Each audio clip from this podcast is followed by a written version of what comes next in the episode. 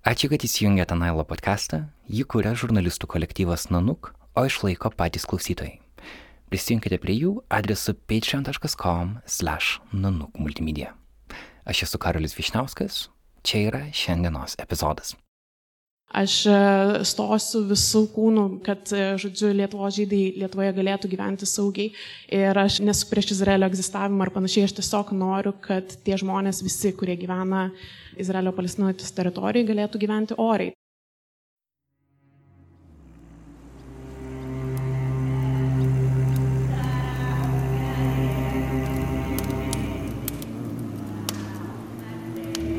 الذي يبدو يا أميرة أن الطيور والأنهر أيضا تتذكر أوطانها في المساء And then, then I saw them on an aeroplane and another aeroplane. This is not the first time I have seen their aeroplane. I have seen them in our skies before, but these two are different. It's as if they are looking at me, frowning at me, and before I can figure out their frowns, Ką mes žinome apie Palestiną? Kokią kultūrinę vietą ji užima Lietuvos sąmonėje ir ar Lietuvos politikai nuo Palestinos nusisuka? Tokius klausimus mes keliame bendroje Sirenų ir Nanuk diskusijoje šį spalį. Priežastis tam buvo tai, kad pirmą kartą Lietuvos dramos teatro istorijoje Lietuvoje parodytas palestiniečių spektaklis. Jis vadinosi Taha, poeto gyvenimas. Tai buvo solo spektaklis, kurį atliko dramaturgas ir aktorius Amer Hlehel. Me in London, in the land of the BBC, the land of Lord Byron, and reading poetry, reading my poetry in front of all the Arab poets, all of them. Mūsų idėja dirbant su sirenomis yra tas temas, kurios yra keliamos teatro scenoje, perkelti į platesnį visuomeninį pokalbį. Mes tai darėme rengdami tris skirtingas diskusijas ir šiandien dalinamės pirmąją. Ji rašyta spalio 6-ąją Vilniuje, Kablyje. Diskusija dalies dalyvių prašymų buvo redaguota. Kviečiame išgirsti. Sveiki, mano vardas Gintarė Mastikaitė. Aš šiuo metu esu Lietuvo šokio informacijos centro direktorė e, ir meno vadovė Baltijos šokio festivalio. Keturis metus buvau atsakinga už šiolaikinio cirko festivalį, kuriame ir, ir buvo pristatytas pirmas e, palestiniečių men- iš tikrųjų scenos menų darbas, tai šiolaikinio cirko darbas Be Orders. Ir filmas, kuriame vienas iš atlikėjų Fadis Murat buvo veikėjas to filmo, ir ten buvo e, filmas apie šiuolaikinio cirko atlikėjus ir, ir jų veiklą, ir, ir kokiuose aplinkose jie auga, ir kaip tai įtakoja jų meninę veiklą. Iš tikrųjų, aš labai ilgą laiką per savo darbą turėjau labai labai intensyvų santykių su Izraelio šokiu. Tai prasidėjo nuo auros laikų ir tai buvo septyni metai tokių labai intensyvaus asmeniško bendravimo. Ir tada, kai aš išėjau iš Auros, turėjau tokią unikalią galimybę nuvažiuoti į Palestiną. Ir tada supratau labai labai daug dalykų. Ir kai tu pamatai viską iš vidaus ir tu gyveni su tai žmonėm, e, gyveni kasdienybei, ne kaip turistas, ne kaip atvažiuojantis su diplomatinė mašina, išvažiuojantis su diplomatinė mašina, visą tą kasdienybę patiriantis taip pat. Ir labai stiprių patirčių tenai turėjau, kur pakeitė mano mąstymą. Tai tos kelionės į Palestiną po to truko dar du metus. Ir kiekvieną kartą ten atsirasdavo vis daugiau, daugiau menininkų, e, su kuriais pradėjom palaikyti ryšius. Tiek iš šokio pasaulio, tiek iš cirko pasaulio. Ir pernai metais mes pradėjom, jau du metai iš tikrųjų mes bandom daryti tokius bendradarbiavimus e, tarp vietinių institucijų, jiem pristatant šiuolaikinio šokio spektaklius kūdikiams. Ir po pirmo karto, kai trupė nuvažiavo į Palestiną, irgi jų visi varšteliai pasikeitė ir dabar visi nori grįžti ir nesvarbu kokiam sąlygom. Tai net nėra apie finansas, o tai yra apie patirtis, tai apie norą dalintis ir norą būti ir norą palaikyti. Aš esu Eglė Murauskaitė, Marylando universiteto vyrmokslininkė ir taip pat mokslinė bendradarbė Vilniaus politikos analizės institute ir Nanuk Global Update laidos bendraautorė. Mano santykis su Palestina yra gerokai daugiau teorinis nei likusių pašnekovų šiandien susirinkusių. Palestinoje man būti neteko, bet e, artimiau su politiniais klausimais ir tiek ir kultūriniu gyvenimu ir, sakykime, niuansais aktyvizmo tiek už Palestiną, tiek už Izraelį, tiesą sakant. E, teko turbūt daugiausia susidurti gyvenant Egipte. 2011 metais e, netoli laikė buvo įvykusi Arabų pavasario revoliucija. E, ir man ten teko dirbti brandolinio nusiginklavimo regione klausimais. Tai turėjau garbės bendradarbiauti su diplomatais tiek aukšto rango Egipto, tiek Izraelio, tiek ir iš Palestinos, gal labiau aktyvistais, juos vėlgi vadinti būtų teisinga nei diplomatais. Ir mes peržvelgėme 20 metų dėrybų istorijos, praktikų įvairiausių. Tai būtent darybos vyko dėl paskelbimo regionų zoną be brandolinių ginklų bet tame tarpe buvo apsikeista tiek istorijų asmeniškų, kaip Izraelio diplomatai, pavyzdžiui, tiesiog absurdiškai turėjo Palestinos atstovus vežti į darybas bagažinėje savo ten susisukusi kokį 50 metų gana garbų žmogų, kaip tie ryšiai įvairūs ir frustracijom buvo nusėti, ir tikėjimo, ir aukštyn žemyn. Ir tikrai iš pradžių tas klausimas pas mane atėjo iš saugumo pusės. Aš tiesiog dirbau su tas rytimi tuo metu, bet gana greitai išsiplėtė. Ir vėliau man išvykus į Vašingtoną dirbti, aš tęsiau kitą projektą, kur jau atidžiau buvo sekama dėrybų, būtent istorija. Ir tuomet ir Vašingtonė kalbinau ir amerikiečių diplomatus, dėrybininkus, ir tiek Izraelio diplomatus, dėrybininkus. Ir nu, tiesiog tas suvokimas labai abipusiškumo šito konflikto Palestinoje tebe vykstančio. Toks šiek tiek orveliškas buvo pojūtis, kaip laikai dvi tiesas galvoje tuo pat metu ir supranti, kad jos abi tiesios tos tiesos. Tai mane visada Lietuvoje labai stebina nukirstumas ir vienpusiškumas diskurso šituo klausimu.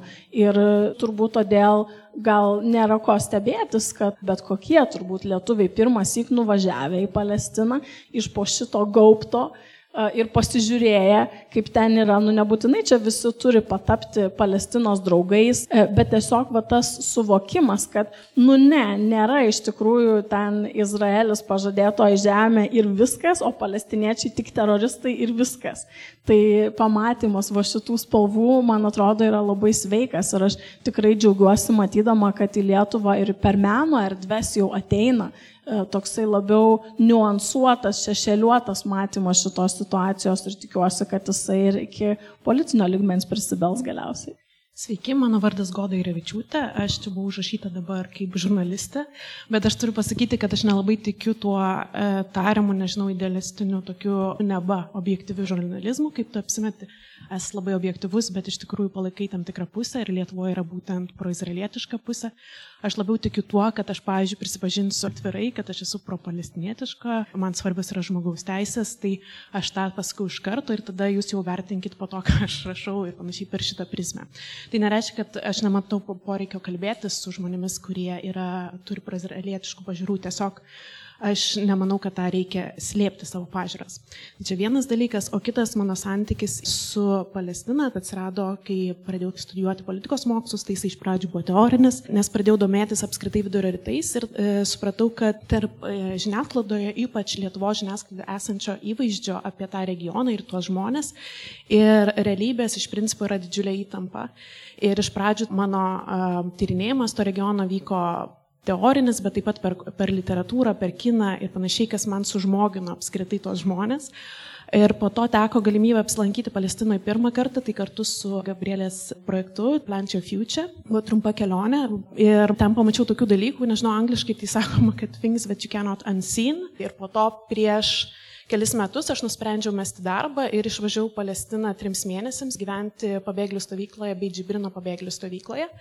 Ir ten nebuvo kokios nors savanoriavimas kažkokio organizacijai, bet aš susiradau moterį su raumenų distrofija. Tai aš tiesiog nuvažiavau būti jos asistente ir tai buvo labai be galo intimus santykis su palestiniečio kūnu, nes, žodžiu, tu tampi jos tesiniu, vaikšti tokiose gatvėse, kur jinai gali vaikščioti ir eini į restoranus, kuriuose jinai gali eiti ir tiesiog gyveni tą gyvenimą ir tau tai suteikia tam tikrą unikalią perspektyvą. Pavyzdžiui, man niekada iki to laiko neteko uh, patirti tokių ir savo galvoje vesti debatų, pavyzdžiui, aš su proteste, ar man užsidėti ant veido kufiją, tai ką mes vadinam arafatke, nes mane dusina šarinės dujos, bet taip tarpu gal aš ir rizikuoju prarasti savo baltosios privilegiją būti nenušautai, nepašautai ar kažkaip nebūti taikiniu. Arba ką daryti, kai tu matai tave nukreiptą automatą Tokių dalykų iki tol nesu, nesu patyrusi ir supratimas, kad valstiniečio kasdienybė yra gyvenimas būti nuolat pažeminamu, taip, kad jo gyvenimas yra daromas neįtikėtinai neįmanomu, tai tiesiog negali ignoruoti tam tikrų dalykų. Jau tiek. Pirmą kartą nuvažiavau į Palestiną dirbti socialinio darbo, visiškai nežinodama, ko aš galiu tikėtis. Išvažiavau dirbti pagal profesiją su viena Britų organizacija. Atradau, kad jau porą lietuvaičių irgi turiu pasakyti, kad merginų ten yra e, dirbančios ir, ir gyvenančios. Tai buvo praktiškai atliepsiu visų, ką pasakėt. Labai didelė nuostaba, net išmušanti iš vėžių, kad tai yra visiška nesąmonė, taip negali būti, kad pasaulis mano vienaip, o yra iš tikrųjų kitaip. Ir nuo to laiko su keliom merginom nusprendėm, kad nu reikia į Lietuvą atnešti tą Palestinos žinę ir įkūrėm mažą Facebook'o grupę, kuri vadinasi Solidarus su Palestina. Ir kažkaip pradėjom rinkti žmonės, kurie galbūt mano, mano kitaip negu yra mainstreaminė informacija, žmonės, kurie nuvažiuoja ir galbūt jie visiškai dažniausiai taip ir prasideda, sako, aš visai nepolitiškas, aš čia į politiką nieko nenoriu kištis, nieko nenoriu garsiai sakyti nenoriu, kad iš manęs kas nors interviu imtų, nes čiagi mano vardas bus viešinamas, bet aš pasisakau už palestiniečius. Ir, ir įvyko keletas projektų, kur mes vežėm lietuvius e, į Palestiną daryti tam tikrų vėlgi nepolitiškų dalykų. Bet e, kas atsitiko ir su mano gyvenimu, ir su dar kelių žmonių, kuriuos gerai žinau, yra taip, nuvažiuoji į Palestiną, ir susitinki su paprastai žmonėm, nedarai jokios politinės veiklos, dirbi arba su vaikais, arba su kitom pažeidžiamom grupėm, gyveni paprastą gyvenimą, eini, eini susitikti su žmonėmis baruose ir kavinėse, tada grįžti į Lietuvą ir galvoji, aha, bet aš esu savo šaly, aš esu savo demokratiniai valstybei ir čia aš galiu sakyti, ką noriu, aš galiu daryti, ką noriu, aš galiu stovėti už tuos žmonės, už kuriuos man atrodo yra svarbu stovėti ir pradedi tada gyventi tokį dualistinį gyvenimą. Palestinoje, kai esi, o aš tikrai daug metų važinėjau labai dažnai į Palestiną, ten aš dariau socialinius projektus su vaikais e, pagal savo specialybę, tie projektai buvo remiami kai kurie mūsų Lietuvos užsienio reikalų ministerijos, kur iš viso negali nieko politiško kišti. Tada grįžti į Lietuvą ir žiūrėjau tai reikia parašyti kokį straipsnį labiau politinį, tai reikia į kokį protestą suorganizuoti ir nueiti, tai reikia sukelti kokias bangas, nes kažkas įvyko, tai vienas kitas žurnalistas paskambina ir jau Lietuvoje aš tampu visiškai kitokiu asmeniu, negu kai aš dirbu Palestinoje. Kas mane privedė, būkim bėdini, bet teisingi, Lietuva tikrai nėra ta labai ginanti savo piliečius, ypač žmogaus teisų sferoje valstybė. Ir mano šita dualistinė veikla mane pastatė į tokią poziciją, kad aš nebegaliu važiuoti į Palestiną. Manęs daug kas klausia, ar aš nepasilgstu ir ar nenoriu važiuoti. Ir viena vertus, man atrodo, mane išlaisvino tas negalėjimas nuvažiuoti, todėl kad čia aš jaučiuosi, kad aš nieko nebegaliu prarasti. Anksčiau aš galėdavau prarasti važiavimą, o dabar aš galiu visiškai šimtų procentų būti rami, nes nieks jau, tu, tu, tu, tikiuosi, iš manęs nieko nebetims. O, Gabrielė, tu nori stabdyti mane. Aš tik tai papildyti žmonėm, kurie galbūt ne iki galo supranta, kaip tas negalėjimas atvykti į Palestiną veikia. Nes mhm. tiesiogiai nusileisti Palestinos oro uostą tu negali. Tu turi nusileisti Izraelio oro uostą ir tada tu turi praeiti patikrą. Taip. Ir uh, Izraelio pareigūnai nusprendžia, ar tave leisti į šalį ar ne. Ir tu jau turi tą statusą, kada tu buvai gražinti atgal ir dabar uh, Berots yra kažkoks terminas, kada tu, kuris tarsi pasibaigusi vėl galėtum bandyti, bet atrodo, kad tu pati jau... Jo, labai gerai pasakė, vėl galėtum bandyti, tai visiškai nereiškia, kad aš galėsiu važiuoti. Taip, e, žinom, kad vakarų krantas neturi savo sienų neutralių, niekaip negali važiuoti į Palestiną neperėjęs Izraelio pasieniečių. Ir tai reiškia, kad jie tau suteikia leidimą įvažiuoti į Izraelį. Iš Izraelio tada tu jau gali patekti į vakarų krantą. Ir po daugelio, daugelio važiavimų aš buvau sustabdyta Izraelio pareigūnų Tel Avivo oro uoste. Ir um, jie nusprendė, kad aš nebeturiu teisės įvažiuoti į Izraelį. Ir man uždėjo statusą, kad aš esu pavojinga Izraelio saugumui ir visuomeniai, nu, kitai žodžiais teroristė, ir sulaikė mane keturioms paroms, uždarė į nu, ten apklausos tokį, nežinau, nu tokį trumpą kalėjimą. Va ir parsiuntė atgal į Lietuvą. Ir tada, nežinau, kieno dėka, gal čia reikėtų net paklausti ministro Linkevičiaus, buvo parašyta nota Izraeliui, klausiant, kas atsitiko, nes šiaip nėra dažnas dalykas, kad dėl savo pažiūrų būtų žmogui uždrausta įvažiuoti į Palestiną. Taip, žinai, lietuvių žmonėms tai pasaulyje uždraudžia. Ir vėlgi tam atsakymė buvo parašyti tie patys dalykai, kurie buvo man įteikti tokie visiškai formalūs nieko neatskleidžiantis, aš pati negavau jokių paaiškinimų, ką aš padariau ne taip, kuo aš nusikaltau.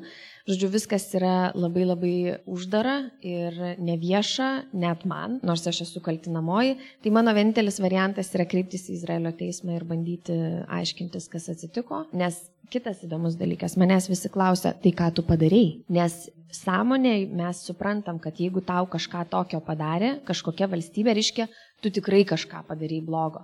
Įdomumas yra tame, kad aš nepažeidžiau absoliučiai jokių įstatymų. Net to, kuris prieš porą metų priimtas, kad tu negali viešai pasisakyti už bidiesą. O bidies yra? Boycott, sanctions and divestment. Nu, žodžiu, kad reikėtų Izraeliui, kaip ir anksčiau buvo kažkada Pietų Afrikos Respublikai, boikotuoti jų produktus, kol jie nesusivoks, ką jie daro kitai tautai. Tai aš nesu viešai pasisakius nei už, nei prieš bidiesą. Tai žodžiu, aš apskritai nesu pažeidus jokio Izraelio įstatymo ar tarptautinės teisės, o va štai gavau tokį apdovanojimą. Dėkui iš tas įžangas ir iš tikrųjų temą mes formulavome diskusijos kaip uh, ar mes nusigrėžėme nuo Palestinos, tai prisiminkime šią metų pradžią, kada premjeras Kvarnelis nuvyko į Izraelį ir tai buvo pirmas kartas, kada Lietuvos atstovas tokio rango nesusitiko su palestiniečių atstovais. Ir palestiniečiai įteikė notą Lietuvos užsienio reikalų ministerijai, palestiniečių užsienio reikalų viceministrė Aimal Jedu, jinai buvo Lietuvoje apsilankius šiemet ir jinai pasakė, kad toks elgesys pažeidė ES praktiką, bet siunčia labai neigiamą žinią palestiniečiams. Tuo metu prezidentė Dalia Grybauskaitė, dar buvusi prezidentė, sakė, kad toksai skvernelio žingsnis Lietuvai atnešė daugiau žalos nei naudos. Ir palyginti pati Grybauskaitė 2015 metais buvo pirmoji Lietuvos prezidentė, kuri e, nuvyko į Palestiną ir susitiko su palestiniečių prezidentu Abasu. Ir tada 15 metais jinai sakė, kad, e, cituoju, abejingai stebėti smurtą ir agresiją reiškia ją pateisinti. Visi esame atsakingi už taiką pasaulyje ir už savo žmonių saugumą. Ir taip pat Grybauskaitė pridėjo, kad Lietuva yra pasiryžusi remti Palestiną. Bet dabar mes turime naują prezidentą, Gitaną Nausėdą, ir jis Aš bandžiau surasti kažkokią jo poziciją Palestinos klausimų ir jos neradau. Jisai tarsi buvo pasisakęs Jeruzalės tapimo Izraelio sostinę klausimų, pasakęs, kad reikia laikytis ES politikos, bet irgi toks pakankamai aptakus, formalus e, pasisakymas buvo. Daugiau man informacijos nepavyko rasti, tad tuo ir motivuoju, kad mes turėjom prezidentę, kuri nuvyko į Palestiną ir susitiko su palestiniečių savivaldos prezidentu, o tuo tarpu dabartinis prezidentas apie tai neturi pozicijos. Kita vertus, galbūt ne visi žino, kad 2013 metais Ramaloje buvo atidarytas e, Lietuvos biuras, kurie užsiema tokia galbūt ne tiek daug girdima, bet svarbia veikla, kad ir, pažiūrėjau, pastaruosius trejus metus vyko tokie mokymai pavadinimu Digital Business Women, kur Lietuvos moterys verslininkas vykdavo į Palestiną ir palestinietės vykdavo į Lietuvą verslo mokytis pradmenų pačių. Tai atrodo, kad tie ryšiai vyksta, galbūt jie yra pakankamai tokie tylus ir nedaug žinomi Lietuvoje, bet kad tas bendrabiavimas yra. Kita vertus, Palestinos kažkokio biuro Lietuvoje nėra. Ir Lietuva, apskritai Palestinos valstybės, nėra pripažinus. Tik klausimas jums, kaip jūs visą tą paveikslą matot? Ar vis dėlto dabar yra tikrai geras laikas, kada Lietuvos diplomatija veikia ir kada lietuvių ir palestiniečių ryšiai atsiranda? O vis dėlto galbūt su nauju prezidentu, su dabartiniu premjeru mes einam atgal. E, turbūt vienareikšmiškai negalima būtų brėžti tos krypties, aš tai man, matyčiau tai, kas dabar vyksta, e, kad yra vis didesnis disonansas tarp oficialios užsienio politikos išsakomų pozicijų ir visuomeninių ryšių ir, sakykime, visuomenės nuotaikų, ar ne. Tai Lietuva, kiek aš žinau, turbūt yra viena labiausiai pro-izraelietiškų šalių Sąjungoje. Tai nebūtų tikslu sakyti kaip tu, kad Lietuvos pozicijos Palestinos atžvilgių turėjimas, kokios turi, nedaro jos išimtimi. Taip, tą medalio pusę nemažai šalių mato panašiai, bet kitą medalio pusę kiti traktuoja daug, na nežinau, ar atsainiau, ar širkščiau, o Lietuvos besąlygiška meilė praktiškai Izraeliu, kad, kaip sakant, negali jie nieko blogo padaryti, čia tikrai yra išskirtinis dalykas. Tai dažniausiai politinėme diskurse tai yra bandoma sieti su kaip čia pasakyti, aplinkeliais mėginimų prisigerinti Vašingtonui, bet, na nežinau, sunku būtų pasakyti, kiek Vašingtonui iš tikrųjų yra svarbu ir kiek jiems tas groja tokia Lietuvos pozicija. Nes kad su Europa labai tas pjausto ryšius Lietuvos, tai va čia tai tikrai ir iš diplomatų, sakykime, Europos yra šiek tiek nuostaba. Ypatingai ta nuostaba ir čia jau aš irgi labai prijaučiu šitai pozicijai klausimo yra, kodėl Lietuva kaip e, maža šalis, istoriškai išgyvenusi ne vieną okupaciją, turi tiek mažai simpatijų okupuotų teritorijų klausimų sprendimui. Kitas dalykas - gynybos rytyje, kur aš dirbu, tai Izraelio pavyzdžiai yra visuomet pristatomi kaip tiesiog nekvestionuotinai gerosios praktikos. Kiek tenka būti konferencijų, kur Izraelio pajėgos, kur tarnauja ir vyrai, ir moteris, ir yra privaloma tarnyba, nu tiesiog, kaip sakant, negalima atsižavėti jais ir iš konservatyviojo sparno Lietuvos politikoje nekarta yra girdėti siūlymai įvesti tokią praktiką ir Lietuvoje. Yra reguliariai kviečiami kalbėtojai papasakoti apie tai, kaip tai puikiai veikia, bet kaip tai veikia teisiškai žmogaus teisų pažeidimai tų pačių piliečių, kurie ten tarnauja. Aš puikiai prisimenu, kai mokiausi Paryžiuje Sijans po magistro laipsnį ir turėjome keletą vaikinų, kurie buvo tarnavę Izraelio pajėgose ir ne tik tarnavę, bet ir mūšių matę šiek tiek. Tai kai mes turėdavome tokią paskaitą konflikto etiką, kur nagrinėjami ten klausimai, ar, ar etiška, pavyzdžiui, at, atsišaudyti, jeigu, jeigu yra įtvirtinimai arba stipriai apgyventose teritorijose, kaip traktuoti naudojimą human shields, tai, kaip sakyt, apsitverimą žmonėmis kaip gynybos priemonė, nu ir jų atsakymai visada radikaliai skirdavosi tiek nuo tų pačių amerikiečių kolegų, tiek nuo prancūzų ar kitų europiečių. Ir tai yra labai kitas mentalas. Ir tie žmonės, kurie taip stipriai Lietuvoje palaiko Izraelio pusę, man rodos, neįvertina šito. Ir tiesiog atrodo atsisakoma vat, eiti į tą moralinį diskursą. Bet čia tas vyksta konkrečiai užsienio politikos ir gynybos lygmenyje. Aš manau, kad visuomenėje tai mes tikrai pastebime daug didesnį nu, ir atsiverimą problematikai ne tik Palestinos. Apskritai man toks jausmas, kad atsibunda žmonės jauni, kurie neskaitė mokyklos vadovėliuose ne tik apie Palestiną ir apie Kiniją nelabai skaitė, kas ten vyksta. Ir, ir dabar, sakykime, visuomenės palaikymas yra daug didesnis negu būdavo anksčiau. O, o net ir toje pačioje Amerikoje šį pavasarį buvo istoriškai žemas palaikymas Izraeliui ir Izraelio politikai, tiek dėl nausėdijų, tiek dėl dabar gana agresyviai prezidento Trumpo užimtos pozicijos, kad, žodžiu, nereikia čia jokio dviejų valstybių dėrybų. Tai Lietuvos nepersiorientavimas politinis prie šito ir negebėjimas atspindėti ne tik tai besikeičiančių užsienio politikos nuotaikų Izraelio atžvilgių, bet ir savo visuomenės. Tai gaila, kad taip yra.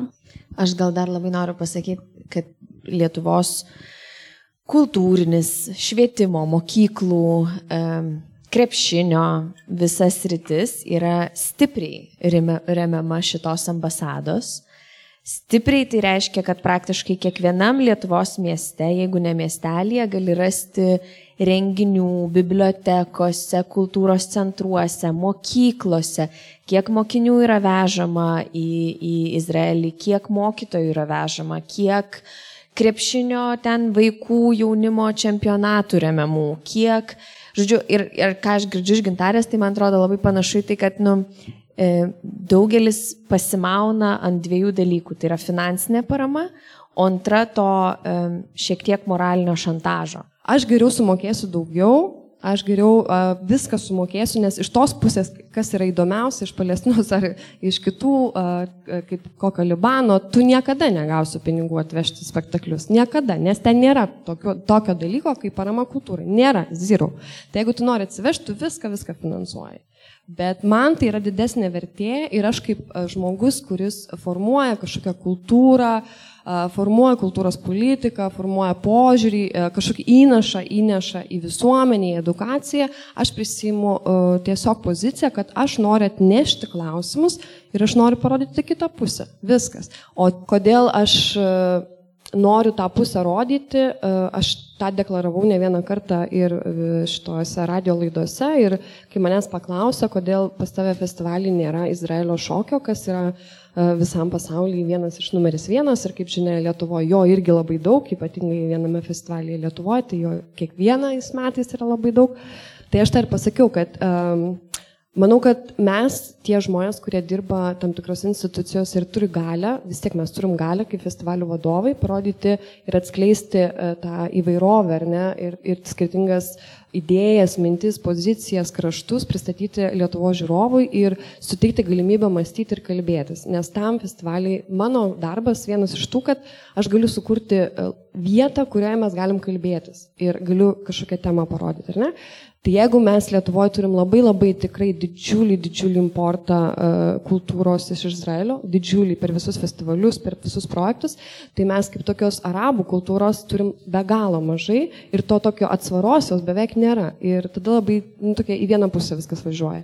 Tai aš kai e, kaip man į rankas pasitaikė tas įrankis, kad aš galiu nuspręsti, ką kviesti, aš priimiau poziciją, kad aš noriu parodyti kitą pusę, kur yra labai didelė dilema.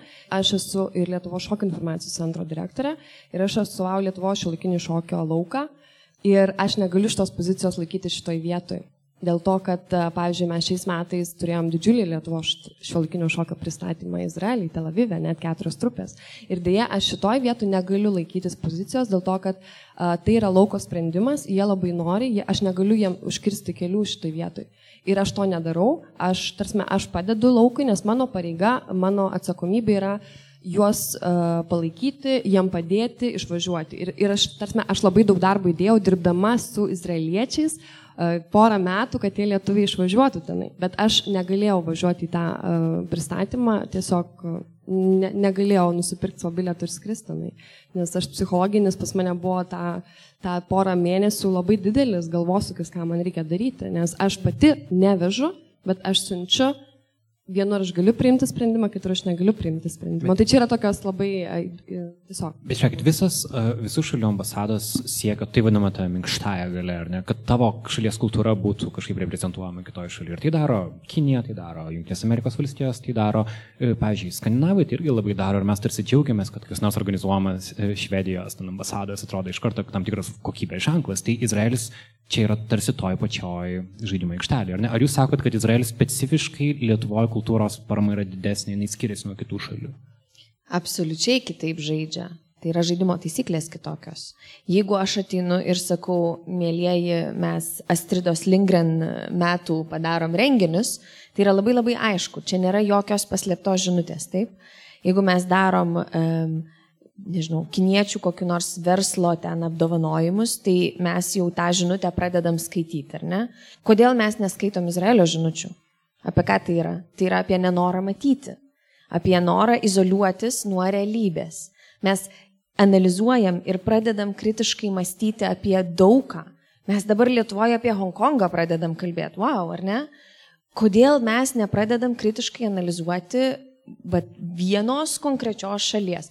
Todėl, kad jie įdėję tiek daug pastangų į tą žinutę suformulavimą jau kaip įmanoma nekalčiau, jau bandydami fiktyviai atskirti politiką nuo kultūros. Tada iš karto perėm prie kito klausimo ir įdomi jūsų nuomonė visus tuo, kad kai kalbam apie Lietuvą ir Izraelį, visą laiką yra Lietuvos holokausto istorijos puslapis ir atrodo, kad Lietuva yra dedamas lygybės ženklas, kad mums reikia eiti kartu su Izraeliu, nes mes tarsi turime atpirkti kaltę, kurią padarėm Lietuvoje gyvenusiems žydams. Ir uh, kaip pavyzdžiui, matom dabar augantį nacionalizmą Lietuvoje, kad pamatom ten svastiką supiltą prie sinagogos, Pavyzdžiui, man tie dalykai rūpi Lietuvos žmogaus teisėm, teisų besirūpinantiems žmonėms, jiems rūpi augantis antisemitizmas Lietuvoje. Ir atrodo, kad tu kartais turi pasirinkti, aha, tai arba tu esi už žydus arba už Palestiną, tiksliau, arba už Izraelį ir už Palestiną. Ir man įdomu, kaip jūsų galvose visą tai sutelpa ir ar žydų klausimus Lietuvoje nu, susijęma su Izraelio klausimu.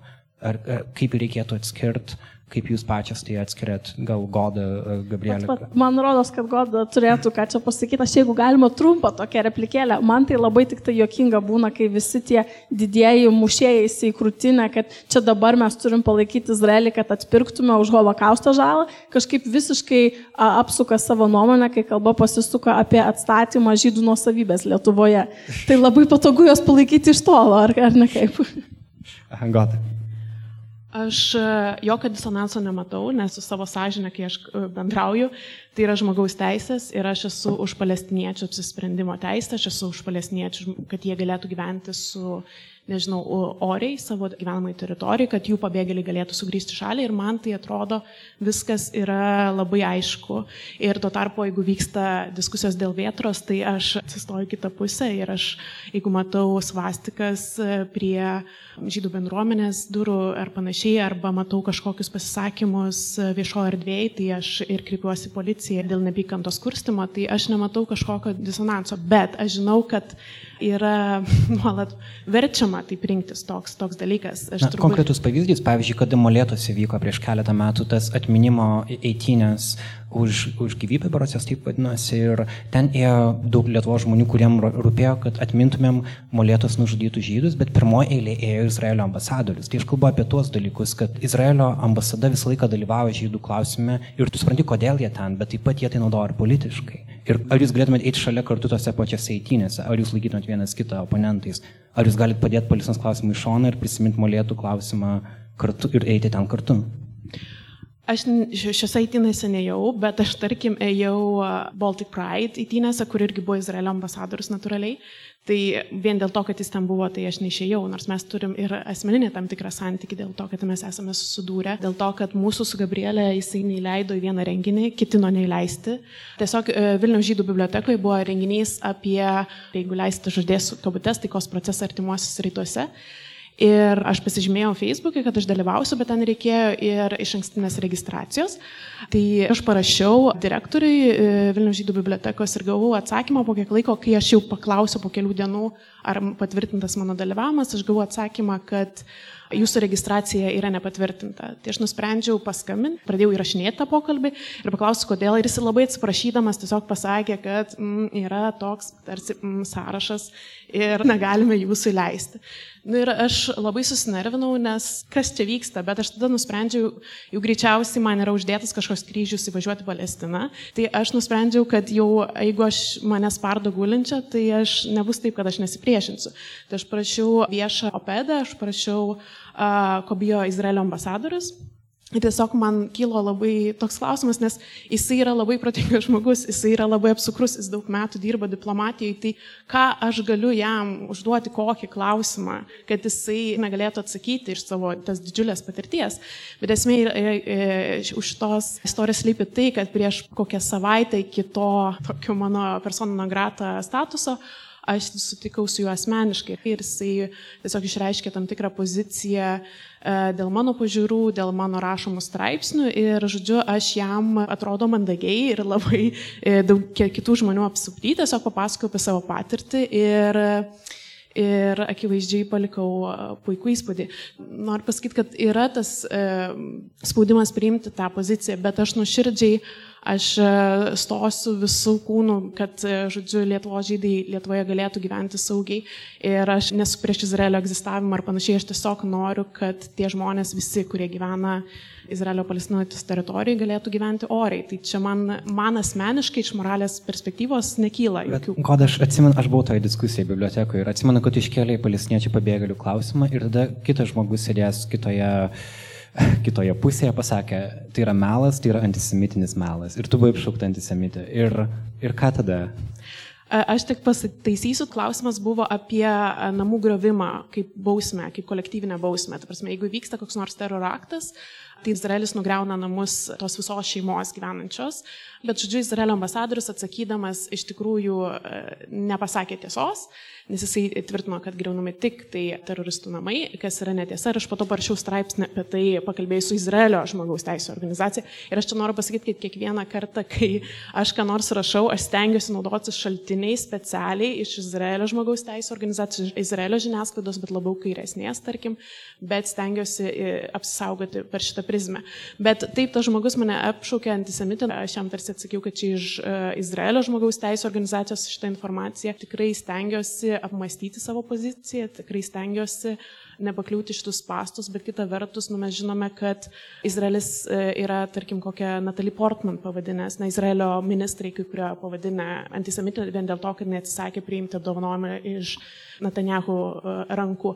Arba Gideonas Levi, kuris yra vienas garsiausių Izraelio žurnalistų, kuris virš 30 metų rašo apie Palestinos okupaciją, kad jis irgi yra nuolat apšaukiamas e, antisemitų. Tai čia tas... Arba yra tas terminas kaip self-hating Jew, maždaug, kad esi žydas, kuris nekenčia pats savęs, nes tau rūpi palestiniečių, na, cause. Taip, taip. Nu, e, čia jau jo, tas uh, Self-Hating Jew, tai yra, aš nežinau, Jonas Stuartas buvo ne, vienas garsiausių turbūt šitų. Tai uh, jo, o, bet antisemito termino irgi nevengia. Ten buvo kultūros ministras, kultūros ministrai, švietimo ministras, šitas puikios rytis buvo kraštinės dešinės visiškai, visiškai perimtos Izraelyje, tai jie visiškai nevengia ir Izraelio piliečių vadinti antisemitais. Bet aš labai noriu pasakyti tokį dalyką, Karoli, kad tu paklausai, ar ne, nu tokio mums atrodo savaime suprantamas dalykas, kad jeigu aš pasisakau prieš um, Rusijos aukščiausių politikų sprendimus ir nuomonę, tai nieks manęs neapkaltina, kad aš esu kažkokia antirusė. Taip? Jeigu aš pasisakau prieš Trumpą, nieks manęs antiamerikietė neapkaltina. Jeigu aš pasisakau prieš, labai norisi trumpiniu vadinti jį, bet Netanjahu, uh, Kas nežino, tai trumpinys Benjamino Netanjahu Izraelija yra Bibi. Tai kažkodėl visi mane pradeda kaltinti antisemitę. Tai apie ką tai yra? Tai vėlgi yra apie tą labai labai nuosekliai tęsiamą propagandą, kuriai pasirodo mes pasiduodam. Nu, manau, kad e, jūs čia labai puikiai suvedėt viską. Aš gal šiek tiek, nu ne tai, kad paoponuočiau, bet aš gal mažiau matau tos skirties negu Gabrielė iš tikrųjų, nes tarkime su Izraelio diskursu Lietuvoje, taip tikrai čia situacija yra liūdniausia, vad negebėjimo atskirti Izraelio oficialios politikos, Izraelio piliečių, kurių dabar netgi, nu jau jeigu dar vis ir yra dauguma jų žydų tikėjimo, tai jau tikrai ne, neilgai tai bus, nes nereikia galvoti, kad Izraelio dabartinėje kontroliuojamo teritorijoje vien tik žydų tautybės žmonės gyvena, tai nepamirškime mes ir to. Tai ne, neplakti, kaip sakant, jų politikos teritorijoje gyvenančių asmenų, kurie yra žydai ir taip pat nežydai, taip pat neplakti žmonių, kurie yra žydai gyvenantis kitose šalise. Ir aišku, yra ir tų ir egzilėje gyvenančių ir, ir daug metų ir yra labai pro netanjahiškų žmonių, bet yra ir labai daug, kurie nepalaiko tos politikos. Izraelio piliečių, kurių gyvena Izraelėje, labai daug yra kritiški tos politikos atžvilgių.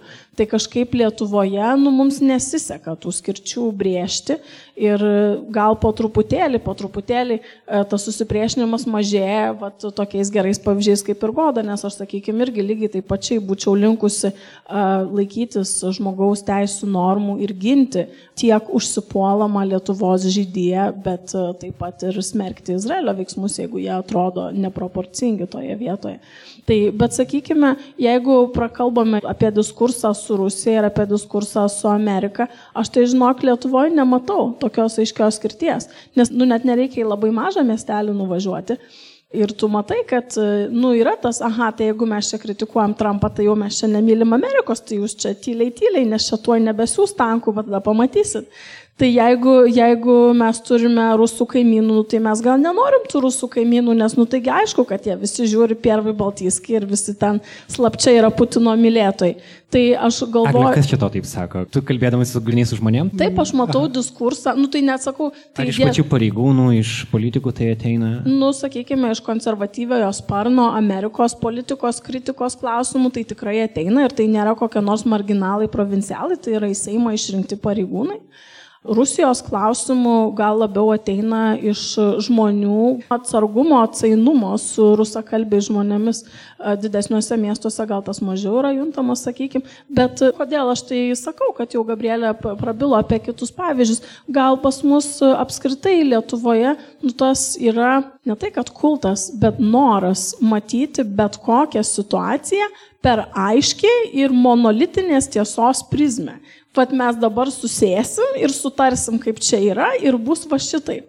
Ir, ir jokių čia niuansų. Jeigu ginam tevinę, nu tai visiems po šautuvą ir bėgit. Jeigu jau mylim Izraelį, nu tai reiškia, negali čia būti jokių kompromisų. Ir tas radikalizmas jis yra persmelkęs toli gražu ne tik šitą diskursą. Tai yra nepaprastai smagu, kad vat, mes galime šiek tiek daugiau tuo klausimu praprūstę žmonės susėsti ir pasakyti, nu, kad nu, vis dėlto yra galimas ir tas dviejų valstybių sprendimas, kur abiejų šalių piliečiai oriai gyvena, yra galima galimi įvairūs niuansuoti sprendimai su Rusija, su Amerika. Nu, ta prasme, nėra, nėra tos vienos kažkokios tiesos ir, ir neturi tiesos monopolio niekas yra atskiri įvykiai, yra atskiri politikai, yra atskiri klausimai, kurių tu gali pateisinti arba nepateisinti. Aš, pavyzdžiui, nausėdijų visiškai nepateisinu ir manau, kad yra absurdas, kaip yra elgiamasi su palestiniečiais, bet lygiai taip pat nereiškia paramos e, tam tikriems e, gynybiniams veiksmams ar vienos ar kitos pusės.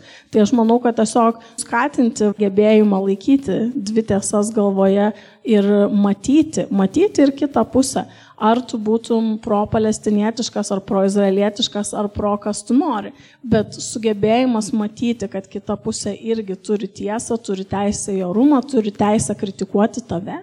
Tai man atrodo, va čia yra, nu ne tik demokratijos, bet ir žmogiškumo elementarus pamatas. Aš gal dar labai noriu irgi gražinti į tokią lietuvišką realybę. Prieš keletą metų uh, mes nusprendėme paminėti, na, pagerbti gazos vieno iš daugelių kas keletą metų vykstančių gazos apšaudimų. Kudirkos aikštėje Vilniuje atneždami kiek įmanoma daugiau vaikiškų batų, paminint vaikus, kurie buvo nužudyti Izraelio apšaudimo ir bombardavimo metu. Ir labai iš tikrųjų gražiai tas renginys praėjo ir jam bevykstant prieina prie manęs grupelė tokių net nežinau kaip juos pavadinti, lietuviškų odinėms striukėms, kustom galvom, trispalvėm apsikauščiusių vaikinukų. Ir jie ateina sakydami, kad mes norime stovėti su palestiniečiais ir už palestiniečius. Kas man buvo labai didelis šokas ir aš, na, tokio tarsi tikėjausi, nesupratau, apie ką čia yra, bet, bet aš visiškai nenorėjau su jais nieko bendro turėti ir aš jų paklausiau, tai kodėl jūs už palestiniečius, tai jų atsakymas buvo natūralus, toks, kokio galima tikėtis, dėja, kad jie yra prieš žydus ir todėl jie yra už palestiniečius. Ir aš greitai turėjau sugalvoti, kaip man jų atsikratyti, nes jie nesuprato, kad aš sakau, tai mes taip gal ir už palestiniečius, bet dėl skirtingų priežasčių. Tai spėkit, spėkit, ką aš panaudojau. Ir čia, man atrodo, apsidžiaugs gal dar didesnė grupė žmonių, kurie Lietuvoje ir nemano palaikyti palestiniečių. Aš sakau, aš lesbietė. Jie greitai nusisuko ir nuėjo. Tai aš supratau, kad vat, vat, ir čia buvo toks, nu, mano sužaidimas jų emocijom, nes aš labai aiškiai juos, nu, įsivaizduodama, už ką jie pasisako šiaip gyvenime ir prieš ką pasisako, labai norėjau jais greitai atsikratyti ir, ir panaudojau tokį manipulacinį manevrą. Kita vertus, kai aš bandžiau vieną iš Lietuvos LGBTQ organizacijų pasakyti, pasidarome fotoparodą apie palestiniečius, jie man pasakė, kad ne, nes palestiniečiai žudo savo LGBTQ žmonės. Tai man šitoje vietoje labai norisi to diskurso, nu, apie ką galima kalbėti, ne tik tai kažkokia politinė prasme, ne aš už ar prieš, bet suvokimo, kad tai yra visuomenė, kurioje vyksta viskas ir visaip ir kad mes neturime apsiriboti savo interesų lauku. Aha, LGBTQ pasiduoda pinkwašinimu iš Izraelio ir dėl to mes čia nemėgstam palestiniečių arba ten kokie nors, nežinau, dar kokios grupės, ten menininkų ar sportininkų ar akademikų, kur savo tą sritį mato ir tada nesako. Čia iš tikrųjų man labai priminė tą mano pirmą, pirmą patirtį, kur man buvo šokas ir tas toks natūralus šokas, kur tu tada labai save perorientuoji ir sakai, ne, aš esu dabar tik už palestiniečius ir tada pradedi bendrauti su tais palestiniečiais ir tu matai, kad poros yra žydaitė ir, ir arabas ir jie yra draugai ir ten šeimos susipynusios, istorijos susipynusios. Ir viskas, ir tave išmuša iš vėžių, ir tada tu turi tą platesnį kontekstą įsivesti savo, nes labai lengva tą tokį irgi šokti radikaliai nuo, ne aš ten tik tai užtapusi arba aš tik tai užtapusi, tai visiškai neįmanoma, to labiau vien paėmus tą kontekstą, kas ten vyksta ir kaip ten viskas yra susipinę istoriškai, kultūriškai ir, ir dabar ir, ir žemės prasme, ir judėjimo prasme, tai yra beprotiškai sudėtinga, bet aišku, tai yra žmogaus teisės, taip, nes man, pavyzdžiui, yra e, gyvenime nutikęs toks dalykas, aš mačiau, kaip pašovė žurnalistą į kaklą, jis įstovėjo 10 metrų prieš mane ir mane ten tie maži, mažiukai tokie lakstantis vaikai nutempė už mašinos, o aš taip stoviu ir net neturėjau to reflekso pasilenkti ir jie man lenkės, lenkės ir aš stoviu šokę. Ir galvoju, ir tas metu pamatai tokius dalykus. Tas Palestinoje įvyko? Įvyko Palestinoje, nes jau viena iš paskutinių kelionių buvo, pabudom name nuo labai didžiulio triukšmo, nes kaip tik visai netoli griovė, pradėjo greuti namą, ket, ketvirtą ryto, man atrodo, ir pradėjo važiuoti ir gaisrinės, ir tos greitosios, ten, nežinau, žuvo 5-4 žmonės. Ir tada supratom, kad bus didžiulė demonstracija ir kad reikia dabar spėti išvažiuoti per kažkurį checkpointą, nes jeigu neišvažiuosim, aš tiesiog liksiu ilgesniam laikui, nes nebus įmanoma išvažiuoti. Ir tada ten buvo tas visas toks bėgimo iš miesto ir iš tos teritorijos kelių valandų patirtis, kur tave veža, tu sustoji, daugėja žmonių, daugėja kareivių, prasideda apšaudimai, tu esi šviesa plaukė, visi tave mato, taikinys vaikšto gatvėm, tų žmonių daugėja ir tada pamatai tos scenos tokios, kur tu esi vienoje pusėje su palestiniečiais ir visi tie vaikai laksto su akmenim rankoje ir kitoje pusėje yra sustatytos mašinos ir ant stogo snaiperiai. Ir ta toksai kontrastas, kur čia nieko nėra, o ten viskas yra. Ir tada pradeda ir atvažiuoja žurnalistai, prasideda chaosas ir tada tas įvykis, kai sakau, taip matai, kad tiesiog taikosi bet kurį ir pataikė tam vaikinukui į kaklą. O sakau, jisai man stovėjo 10-15 metrų prieš mane. Ir aš matau tą sceną, kaip jis nukrenta Ir aš taip stoviu ir mane, sakau, griebė ten, žodžiu, ir aš tada tarsi ne, negalėjau kalbėti, bet kai reikėjo praeiti pro tos kareivius po to, nes tu vis tiek turėjai praeiti ir ten šarnės dujos, žodžiu, mes taip einam ir tavo tokia baimė, tai nesvarbu, kad tu esi europietis, tu esi visiškai kitoj pusėje. Ir tada man tokia buvo nuostaba tų vaikų, kurie ten taip įsigyvenė į tą gyvenimą, kad jie žino, Ir sako, dabar bėg, nes dabar nešaus, labai daug apmąstymų sukėlė. Aš tiesiog gal noriu pasakyti tokius dalykus, kad mes kalbame apie tas dvi pusės, bet čia dabar tavo pasakojimas buvo kaip tik puikus. Vienas yra okupantas, kitas yra prispaustieji ir man tos abi pusės, žinot, nelimpa, nes mes, kai kalbame apie konfliktą, mes kalbam tarsi apie tai yra tos abi pusės yra tos pačios galios pozicijai, kas yra visiškai netiesa. Kitas dalykas, dažnai regliai labai norėjau atsakyti, kad Aš nelabai tikiu dviejų valstybių įgyvendinimu. Man tai yra atrodo neįmanoma, žiūrint, kas yra vakarų krante, kad nėra tos teritorijos, tai yra nesusisiekiančios salelės kad Mahmud Abbasas, tai yra palestiniečių prezidentas, norėdamas išvykti iš šalies, jis privalo gauti Izraelio leidimą. Tai yra absurdas. Nežinau, įmanoma galbūt konfederacija, galbūt įmanoma viena valstybė, bet e, dviejų valstybių aš manau, kad niekada ten nebus. O kas tuomet bus? bus būtų viena valstybė su izraeliečiais ir palestiniečiais? Aš manau, kad kito dalyko yra neįmanoma, nes nežinau, ar jūs e, žinote tokią e, žmogaus teisų advokatę, Nūra Erakat, yra Amerikos palestinietė, yra fantastiškai nuostabi ir jinai tiesiog sakė, kad reikia pradėti permastyti visą šitą dalyką šiek tiek kitaip, įsivaizduoti ateitį, kokia galėtų būti, kad tiktų visiems. Izraelija yra ne vien Izraelis versus palestiniečiai, yra, tarkim, žydai iš Etiopijos ir tai prieš juos yra rasizmas dėl to, yra žydai iš vidurio rytų, Mizrahi, tai palestiniečiams yra įmanoma įmanomos, man atrodo, kitokios sąjungos ir tai reikia perlipti tiek vieniems, tiek kitiems, bet aš manau, kad vienintelė galimybė tiesiog įsivaizduoti kažkokią visuomenę, kurie būtų visi orus. Bet e, Izraelis veikia prieškai kryptimi, mes žinome, kad čia buvo berods 2018 metais, kai priėmė įstatymą, kad vienintelė tauta galinti apsispręsti toje teritorijoje yra žydai ir automatiškai buvo nužemintas ir arabų kalbos statusas Izraelėje. Tai mums reikia galvoti, kad tai ne tik tai yra okupacija, tai yra vakarų krantas, bet tai yra ir labai diskriminacinė politika politika, kuri vykdoma prieš Izraelį gyvenančius arabus, kurių yra pusantro milijono. Ir kalbant dar apie dabartinius rinkimus, kaip tu sakai, kad Netanjahu prarado paramą ir taip toliau. Dabar atsiranda Benigansas. Benigansas yra kariškis, kuris vadovavo 2014 m. gazos bombardavimui. Kai Netanjahu pasakė, kad jis aneksuos po rinkimų Jordanijos lėnį dalį vakarų kranto, tai jų partija ką pasakė? Jų partija pasakė, čia mūsų idėja, ją pasivogėt. Tai esmė, kokia yra dabar politika. Po rinkimų, kuo mes labiau skriausim e, palestiniečius, tai yra, kurie iš mūsų yra puikesni šio atžvilgiu, kuo mes žiauresnę politiką vykdysim. Tai čia vienintelis diskursas apie palestiniečius. Tai aš tiesiog nelabai matau tą nusigrėžimą nuo Netanjahu, e, nu jam laikas jau išeiti kiekis metų amžinasis e, premjeras, bet nusigrėžimą nuo Netanjahu aš nematau, kad čia didelė kažkokia viltis. Aš dar labai norėjau e, surezonuoti irgi Pirmiausiai tai, ką Gintarė papasako apie vaikus, kurie gelbsti suaugusius, baltus, kvailiukus, nežinančius, kada pasilenkti. Tai šitų istorijų ir mano asmeninių yra ir šiaip daug. Ir e, režisierius Jonas Omanas, norėčiau sakyti, švedijos lietuvis, sukūrė filmą kartu su palestiniečiais vieno mūsų projekto metu, vadinasi Sienos vaikai, Children of the Wall. Ir ten yra va, visos šitos situacijos nesurežisuotos, natūraliai nufilmuotos, kas į ką šaudo, kas į ką akmens mėto. Tai Sienos vaikai YouTube labai labai geras 12 minučių. Tai čia vienas dalykas. Antras dalykas dėl dviejų valstybių ir vienos valstybės, kas galbūt ir įdomiau iš tos politinės pusės.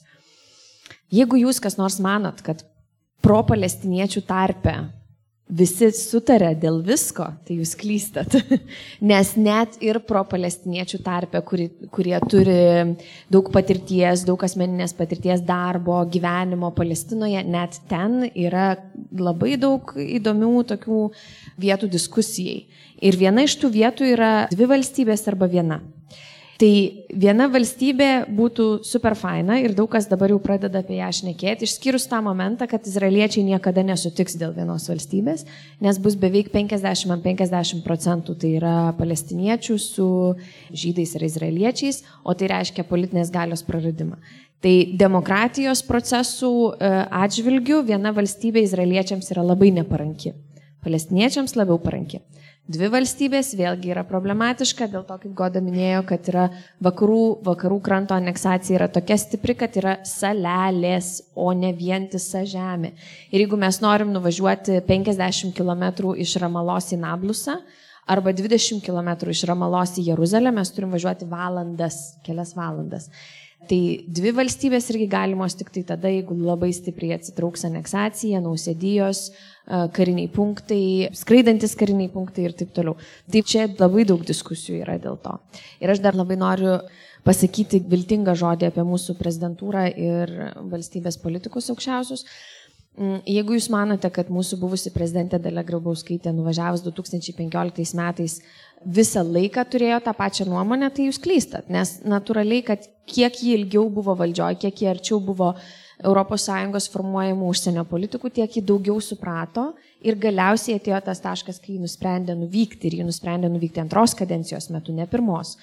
Ir ji nusprendė nuvykti labai e, susikaupus ir apgalvotai ir net jai, ir čia iš artimų jai šaltinių galima pasakyti, net jai žinančiai labai daug įvyko sukretimas ir ji pamatė tai, ko nesitikėjo pamatyti. Čia vienas dalykas, kur lenkiu žemai galvą, bet kartu noriu viltingai pasakyti, kad galbūt dabartinis prezidentas irgi ateis iki tos pozicijos, jeigu ir iš visuomenės eis nešama žinutė, ne ta vientisa, jeigu jis nors kiek turės stuburo ir atsilaikys prieš tą propagandą, kuri šiaip publikuojama.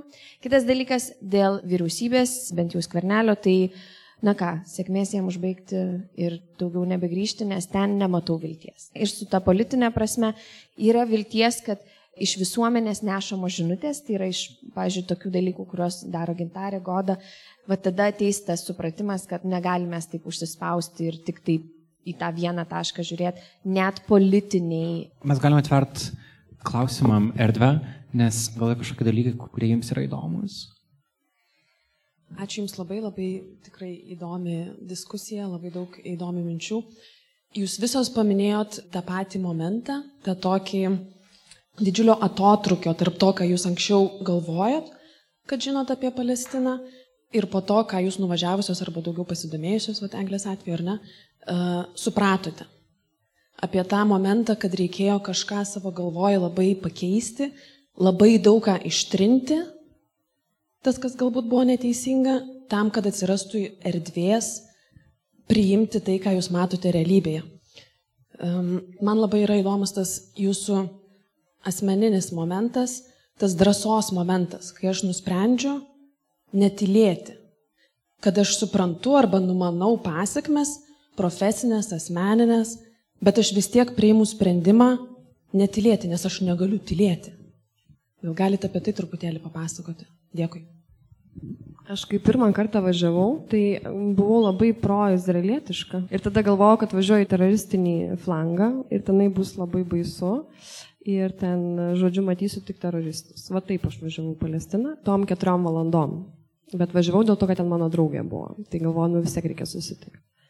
Ir tada man tų keturių valandų užteko. Pamačiau žmonės, kurie šypsosi, kurie yra labai faini, kurie labai skanus maistas, visi laimingi, aplink viskas labai liūdna, ką tu matai tą checkpointą. Nu, checkpointas man pagrindinis jau čia buvo klikas, kad nereikėjo nieko ištrinti, tai ištrinė savaime kai tu praeini jį tiesiog ir, ir tau nieko ten nereikia, jokių, jokių klausimų nebekyla, viskas labai. Vėlgi, gali paaiškinti, kaip, kaip checkpointas veikia, kaip buvo tavo pervažiavimas per jį. Įvažiuoti yra labai paprasta, tu įvažiuoji autobusu, tavęs niekas netikrina, bet išeiti su dokumentais stovi eilėtuks, aš tai vadinu gyvuliniais gardais, nes tai yra metalinis toks gardas, į kurį tu žmonės sueina, ten yra saulė, nėra stogo, kai kur yra stogas ir tu laukia eilė, kartais ten uždaro tą jį, tai pavyzdžiui, tu ten gali prastovėti bilė kiek laiko, nėra jokių toletų, nieko nieko, tu stovi eiliai ir tada tu pradedi tokį surų koridorium eiti ir tu turi praleisti savo tašes, e, daiktus ir parodyti savo dokumentą, ar ne? Ir kiekvienas žmogus praeina po vieną tokius e, besisukančius metalinius kaip durys, kaip pas mus yra į prekybos centrus, tik tai tenai, kad vienas žmogus telpa, Ir man teko daug kartų matyti, kaip jaunieji karininkai, nes ant dažniausiai sėdi šviežiausias jaunimas, jie žaidžia su tuo raudonu žaliu mygtuku ir kai įeina, pavyzdžiui, vaikas, užspaudžia raudoną ir tas vaikas įstringa tarp tų dviejų ir jisai negali pasijudinti, jis pradeda isteriškai verkti, mama stovi šalia arba ten kitoj pusėje jau nuėjęs ir jį tenai laiko kažkiek laiko, o tu stovi priešais ir tu nieko negali padaryti. Nu, tai tokios mažos patirtys jos labai pakeičia. Ir aš neturėjau informacijos Lietuvoje, nes aš dirbau visą laiką kultūros rytyje aplink mane buvo tik tai Izraelio kultūra, čia tobula, gera, geriausia, e, visa spauda yra tik apie tai, o tokia ta kita pusė tokia kažkokia mistinė. Ir tas labai tas buvo toks užakcentuotas teroristinis ir ten išpoliai ir dar kažkas ir buvo labai užsiciklinama. Ir tai labai susiję yra su baime, natūralu. Tai yra baime, tau kelia baime ir tu tai paėmė, ar ne? O kodėl persivertė po to viskas ir kodėl aš nusprendžiau stoti į kitą pusę, tai manau, čia tiesiog etika, mes, man atrodo, visi žmonės ir turim vieni kitus mylėti ir gerbti. Tai nėra susijęs su jokia politika, tai yra tiesiog kiek mes gerbėme vieni kitus. Viskas. E, Izraelis, kuris vaidinamas vienintelė demokratija vidurio rytuose, dabar neprisimenant, kad e, taip pat egzistuoja Libanas ir Tunisas, bet vienintelė demokratija rytuose, kurie gerbė žmogaus teisės, visą laiką pabrėžiama, jeigu skaitysite paskutinį interviu su Izraelio ambasadorium, kuris yra išspausintas prieš penkias dienas mūsų nacionalinio transliuotojo, tai jūs pamatysit, kad žmogaus teisės yra akcentuojamas ir niekas to nekvestionuoja. Tai tiesiog, kai tu patiri uh, e, tokius dalykus, nu, kad, pavyzdžiui, tu galėjai vaikščioti gatve, kur negali vaikščioti palestiniečiai, arba išvažiuojant iš e, Izraelio patiri didžiausią pažeminimą, kokį gyvenime esi patyręs vien dėl asociacijos su Palestina, nes mūsų uh, lagaminuose rado, kad mes e, buvom Palestinos mokyklose.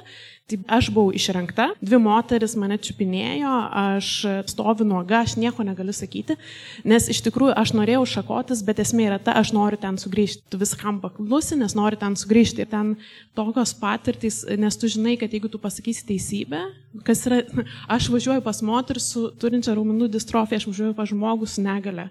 Bet jeigu aš pasakysiu teisybę, yra didžiulė tikimybė, kad manęs neįleis. Kaip tu supranti tokį, nežinau, kafkišką, orvelišką nesąmonę, kas ten vyksta, tai apsiverčia viskas. Aš manau, kad vis tiek reikia apie tai kalbėti. Dabar, jeigu jūs neseniai pasižiūrėsite tą mano minėtą LRT puslapyje mano buvusio vadovo darytą interviu su Jusafu Levi, tokie interviu turi būti. Tai yra interviu su naujai darbą pradėjusi Izraelio ambasadoriumi. Taip. Tai jūs pamatysite, yra labai geri klausimai. Aš esu už, nes ten buvo dėl vietros ir visi, visi dalykai, mūsų požiūrio holokaustą, viskas tvarkoja, einam žemyn, aptarėm dalykus. Vienintelis klausimas užduodamas, žodžiu, apie Palestiną yra dėl aneksijos ir leidžiama atsakyti, tada iš karto nukreipsta klausimai apie LGBT ir tada Izraelio ambasadorius kalba apie žmogaus teisės ir pagarbą ir kaip jie yra apsupti visokių primityvių valstybių. Ir niekas nekvestionuoja. Kaip bebūtų, jisai yra diplomatas, talentingas, jisai tikrai atsakys taip, kaip jam reikia atsakyti, bet tu kaip žurnalistas nedirbi savo darbo. Ir tai yra, nežinau, man tai yra šiek tiek apgailėtina. Gal tik tai noriu sureaguoti, kad uh, be pigų čia mums atsakinėti apie drąsą, kai mes klausimą gavom iš vienintelės Lietuvoje apie Palestiną knygos autorės. Tai, žinot, čia drąsa mūsų visų vienoda. Bet kas neskaitė, tai paskaitykit Palestiną. Laisvė yra labai graži. Vienintelė lietuviška knyga lietuvio autoriaus apie Palestiną, kur yra tikro žmonių istorijos.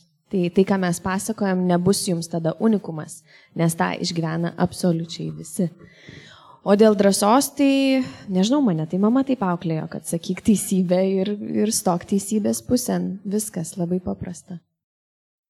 Aš manau, kad tai, kas vyko čia, buvo labai prasminga ir kadangi pro progresą kažkokį matyti yra labai sunku, yra daug lengviau tiesiog pradėti domėtis kitais klausimais. Ir pavyzdžiui, Dar penktadienį, kai ruošiausi diskusijai, radau Al Jazeera pranešimą, kad, kad Izraelio kariai vieną nušovė palestinietį prote, protestuotų ir 54 buvo sužeisti. Iš Lietuvo žiniasklaidos apie tai pranešė 15 minučių, Delfė apie tai nepranešė, LRT apie tai irgi nepranešė. Ir atrodo, aina, tai buvo ir taip ir bus, ir tai net jau nebėra naujiena. Tad tai, kad Sirenos čia pakvietė mus pasikalbėti, tai nėra savaime suprantamas dalykas. Neinformavimas truputį labiau savaime suprantamas. Man apskritai labai patinka, žmonės turi poziciją, kada organizacijos turi poziciją, dar yra geriau. Tad ačiū, kad tą poziciją šiandien pasidalinot jūs ir ačiū, kad atvykot paklausyti. Dėkui labai visiems.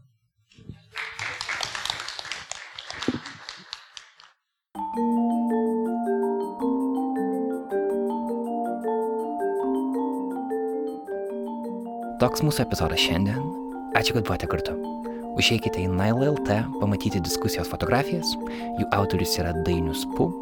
Diskusijos įrašą parengė audio formą, o redagavo Martina Šulskutė.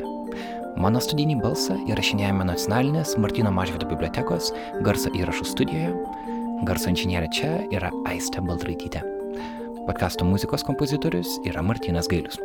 Primenu, kad Nailo podcastą išlaiko patys klausytojai, Prisijunkite prie bendruomenės adresu patreon.com slash nanuk multimedia kaip vienas žodis.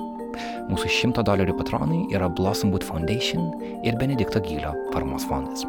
Ačiū jiems ir ačiū jums visiems, kurie prisidedate. Jūsų laukia dar du sirenų diskusijų įrašai. Vienas bus apie moterų saugumą, o kitas apie ageizmą. Jais pasidalinsime artimiausiais mėnesiais. Mano vardas yra Karolis Višniauskas, aš esu podkasto vedėjas ir redaktorius. Nailo podcastą kuria žurnalistų kolektyvas Nanuk. Tiek kol kas, iki greito.